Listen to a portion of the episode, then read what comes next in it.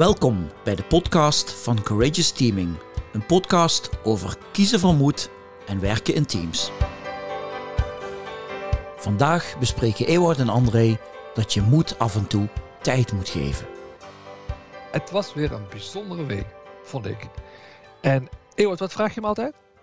André, misschien is dat een goeie. Begin eens eventjes. Wat is de belofte van deze week? De belofte van deze week is dat het loont om moed de tijd te geven. Dat moed zich kan ontwikkelen. Mag ontwikkelen. Nou, dan moet jij ons weer bij de les halen, eh, Patrick. Dat hebben we nodig. Dit was de belofte. Nou, doe jij altijd de belofte? Kijk ik naar de linkerkant van mijn schermpje, want we doen dit natuurlijk nog altijd virtueel. En we beloven de klant natuurlijk ook dat we binnenkort uh, dit echt live gaan doen. Dat zou heel leuk zijn. Maar ik kijk naar de andere kant van mijn schermpje en daar zit Ewoud. Nou, Ewoud, wat hebben jullie deze week weer meegemaakt? Het moment waar wij dit inzicht aan uh, ophangen, zeg maar, dat zou ik als volgt omschrijven. We brengen een groep bij elkaar. En uh, zoals onze naam doet vermoeden, hopen wij altijd dat het lukt om dan een omgeving te creëren die voor iedereen zo veilig voelt. Dat ze nou, eerlijk op tafel durven te leggen wat hun belang is in een samenwerking. Hoe de andere diegene daarbij kan helpen. En eigenlijk, eh, als ik het in mijn woorden zeg, maar André gaat er dadelijk wel wat aan toevoegen, hebben we een bijeenkomst gehad van een ochtend waarbij ik het gevoel heb, dat lukte niet. We kregen het niet echt op tafel. En hoe we het ook probeerden, ik had steeds het gevoel, het lukt niet. Weet je, we krijgen wel goede gesprekken en uh, mensen hebben ook wel de intentie om het goed samen te doen. En je voelt ook wel een bepaalde motivatie. Maar het echte gesprek, dat lukt niet. Dus ik merkte dat ik ook wel een beetje teleurgesteld toen naar huis ging. Ik potverdorie, hebben we hier kunnen toevoegen wat wij ook graag willen. Echt impact hebben doordat mensen dat soort gesprekken met elkaar kunnen voeren. André, daar heb jij vast iets op aan te vullen. Want wat gebeurde er toen?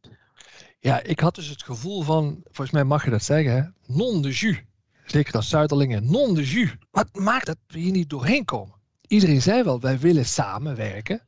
Maar bij ons allebei kwam boven, is dat echt wel zo? Mensen zeggen het wel, maar doen ze het wel? Of kunnen ze het wel, dat samenwerken? Willen ze wel? En dus gingen we weg met dat gevoel wat, eh, wat zei ook onbevredigd natuurlijk. Wij willen graag resultaten en doorbraken en stappen zetten. En ik denk ook deelnemers die verwacht weggaan. En precies wat Ewout zei, blijkbaar hebben we nog niet de moed, de omstandigheden kunnen creëren of de moed kunnen ontwikkelen om, om echt dat te zeggen wat er gezegd moet worden. Maar tegelijkertijd, dat wij dus zo onbevredigd weggaat, gebeuren er daarna prachtige dingen. Mensen beginnen ons te benaderen teamleden van verschillende partijen. En die beginnen ons een verhaal te vertellen wat er volgens hun achter de schermen aan het gebeuren is. De echte belangen, de echte zorgen, uh, de dingen die eigenlijk niet naar elkaar toe uitgesproken kunnen worden. En dat was eigenlijk weer heel mooi, want die mensen die tonen dan dus wel moed naar ons toe. Van daar kan het naar ons toe, daar is het veilig. En durven onze vertrouwen te nemen. Nou, dat geeft ons natuurlijk een fantastisch gevoel. Maar twee ook, kun je daarna weer, gaan we het begrijpen. Daardoor ga ik weer om een uitstekend gevoel uh, het weekend in. Dat die mensen die moed naar ons konden tonen. Maar ook het begrip. Misschien was het wel moedig dat ze in die sessie dat soort dingen inderdaad nog even niet gezegd hebben. En daar was de setting nog niet voor. En misschien hadden ze wel meer kapot gemaakt dan bedoeld als ze dat soort dingen wel waren gaan zeggen van wat er eigenlijk allemaal, uh, wat de grotere belangen zijn, et cetera, et cetera. Want ik moet plotseling ook denken aan die podcast die wij in, uh, misschien al een aantal maanden geleden hebben gemaakt. Toen we zeiden van de, de neem toch eens initiatief paradox. Eigenlijk gaat dat hier natuurlijk ook op. Je kunt mensen natuurlijk niet jagen om moedig te zijn. Nee. Ja. Dat klopt. Dus ik vond het een prachtig, ook André dat net omschreef, mooi voorbeeld. Eigenlijk het potentiële risico misschien wel voor het individu sowieso, maar ook voor het grotere geheel, was gewoon nog een beetje te groot. Om het in die setting daar, nou, zeg maar open op tafel te leggen. Maar het feit dat de dag daarna, nou, we met verschillende mensen uit die groepen eerlijke gesprekken hadden en dat ze daar op tafel konden leggen, dat we ook gingen begrijpen van, hé, hey, maar oh, wacht even, dat is de reden waarom het nog zo lastig is om dat te doen. En dat we ook met hun konden nadenken, welke stapjes kunnen jullie dan nu wel zetten? Eigenlijk de menselijke maat, zeg maar, een beetje terug te brengen. Zodat het een stapje werd wat wel spannend voelt, maar wat wel te doen is voor iedereen. Wat ik er zelf nog super waardevol uit vond, is dat het feit dat die telefoon van ons ging daarna, betekent niet alleen dat, dat wij het gevoel hebben van hey, wacht, is het wel een goede vertrouwensrelatie naar ons.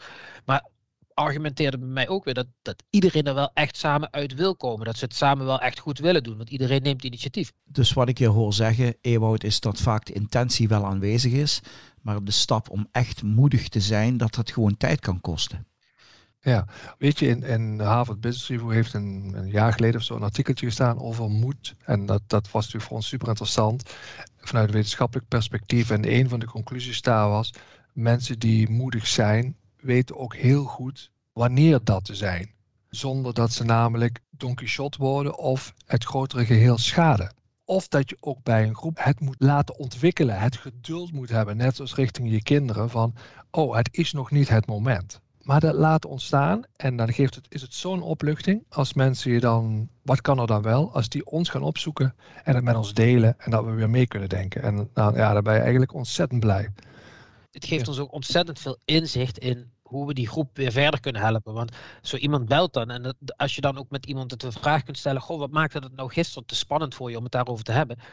Dan hoor je ook direct, oké, wat is een stapje wat wel haalbaar is, wat we kunnen doen met elkaar? Goh, begin eens even wat dichter bij huis staan. Met eerst met, met een collega hierover een, een goed gesprek te voeren. En, en bouw het sowieso op, op basis van relaties die er al liggen, waar je je wel veilig bij voelt. Ik denk dat dat ja, mooie stapjes en mooie inzichten zijn.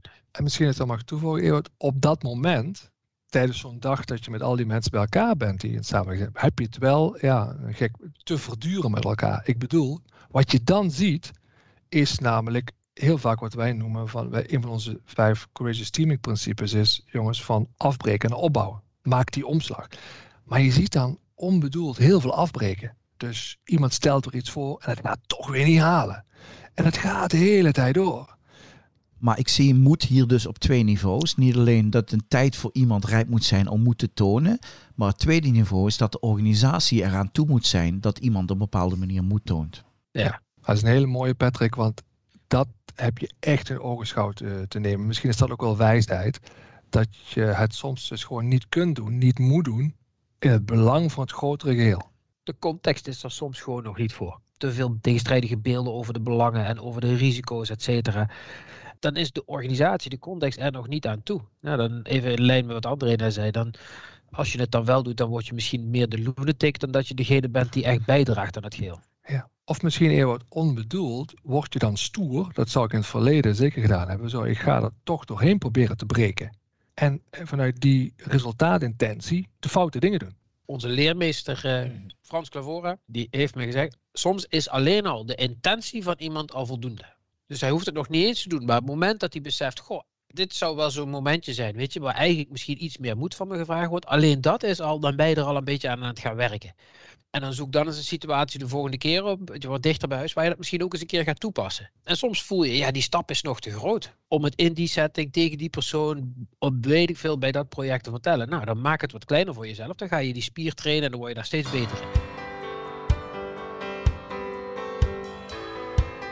Ga voor meer informatie over Courageous Teaming en het werk van Ewout en André naar www.courageousteaming.com.